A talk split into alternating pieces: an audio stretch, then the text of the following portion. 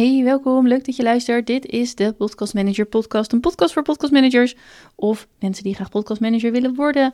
Ik ben Eileen Havenaar. Ik ben podcastmanager sinds 2021. En ik help andere mensen om ook podcastmanager te worden. Onder andere met deze podcast en met mijn opleiding. Zodat steeds meer mensen dit mooie vak kunnen gaan uitoefenen. Vol vertrouwen en met plezier. Oké, vandaag heb ik het over het e-book als weggever. Heel specifiek het e-book, omdat het gewoon veel gebruikt wordt. En even kort, een weggever betekent of is een stuk content dat je hebt gemaakt en dat je gratis weggeeft. Deze podcast is eigenlijk ook een weggever.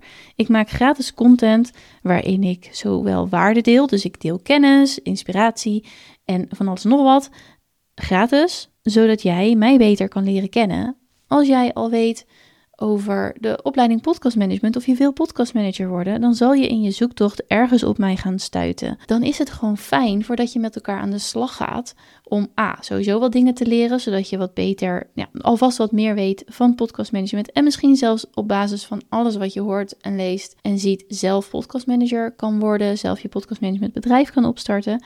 Maar het is ook fijn met zo'n weggever, en in dit geval deze podcast, zodat je mij wat beter leert kennen. En dat je ook kan voelen van, hey, voelt dit goed? Denk ik dat we een klik hebben? Je kunt het natuurlijk ook op andere manieren doen. Je kunt me ook mailen. Ik wil ook gerust even met je bellen. Maar een podcast is daarvoor ook een hele fijne manier. En een e-book kan dat ook zijn. Veel online ondernemers bieden een e-book aan. Dat is dus een geschreven digitaal stuk content waarin je sowieso jezelf een beetje voorstelt, waarin mensen je beter kunnen leren kennen, maar waarin je ook mensen kan helpen. Je kunt bijvoorbeeld een e-book schrijven over de aankoop van je eerste microfoon. Waar moet iemand op letten? Wat is belangrijk?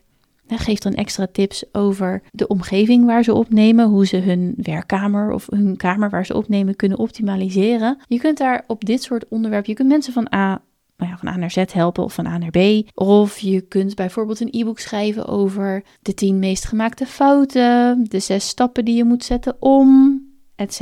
Heb je een e-book of twijfel je om er eentje te maken of ben je van plan om er eentje te maken, dan heb ik in deze aflevering echt een, ik vond hem echt een briljante tip.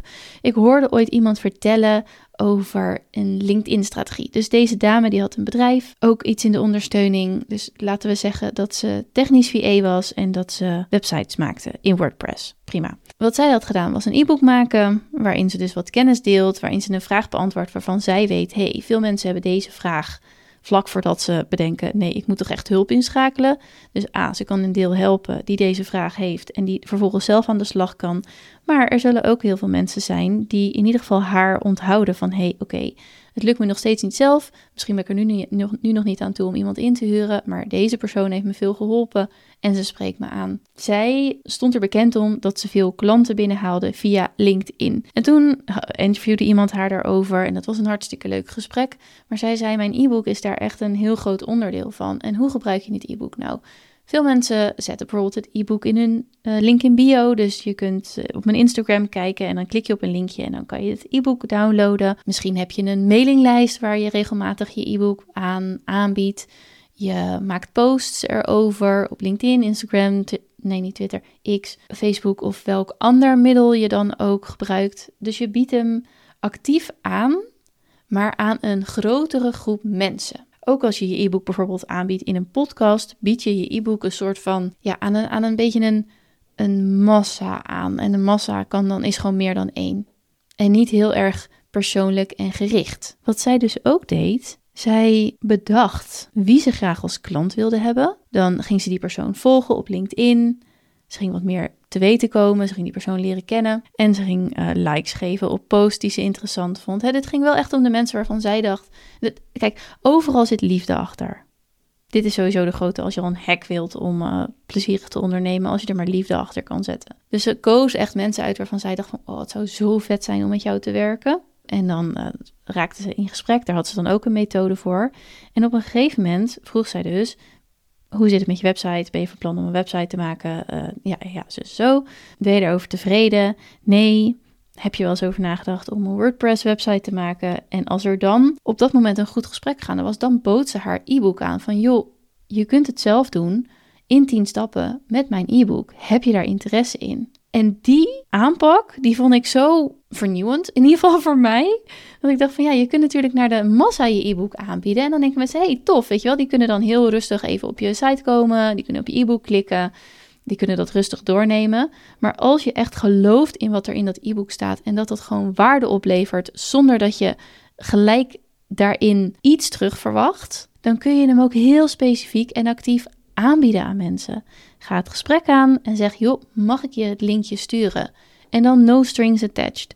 Zorg er dan ook voor, hè, heel eerlijk, dat je het linkje stuurt dat iemand direct bij je e-book komt. Want als ze eerst hun mailadres nog moeten aanmelden bij je mailinglijst voordat ze het e-book krijgen, dan werp je weer een drempel op. En dan laat je ook zien: hey, ik heb zoveel moeite gedaan om met jou in gesprek te komen en nu wil ik eerst gegevens van jou voordat ik mijn waarde geef. Het is echt anders als je iets aanbiedt aan de massa en iemand zelf bedenkt: hey, dit e-book, dit is me zo waardevol. Hier heb je mijn mailadres. It's fine. Ik geef je mijn gegevens in ruil voor jouw e-book met al die waarden erin. Als jij iemand gaat opzoeken, dan heb je een grote kans op slagen. Je hebt direct al een relatie opgebouwd.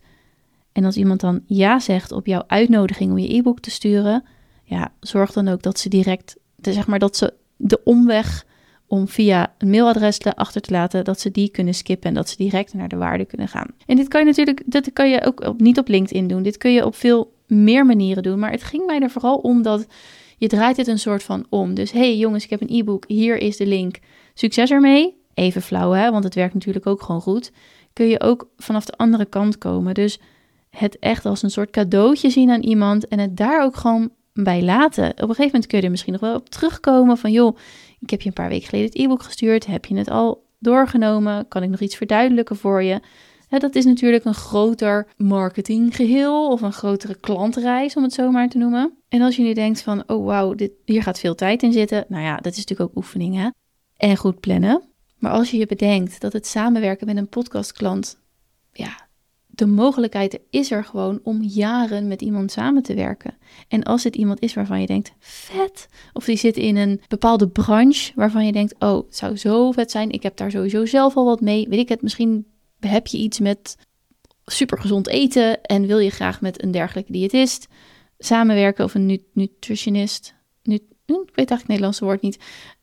En denk je, deze persoon zou het zo vet zijn als die een podcast zou maken. Nou, het is toch een droomklant dan? Dat je dan een aantal jaar met iemand zo'n vette podcast kan maken.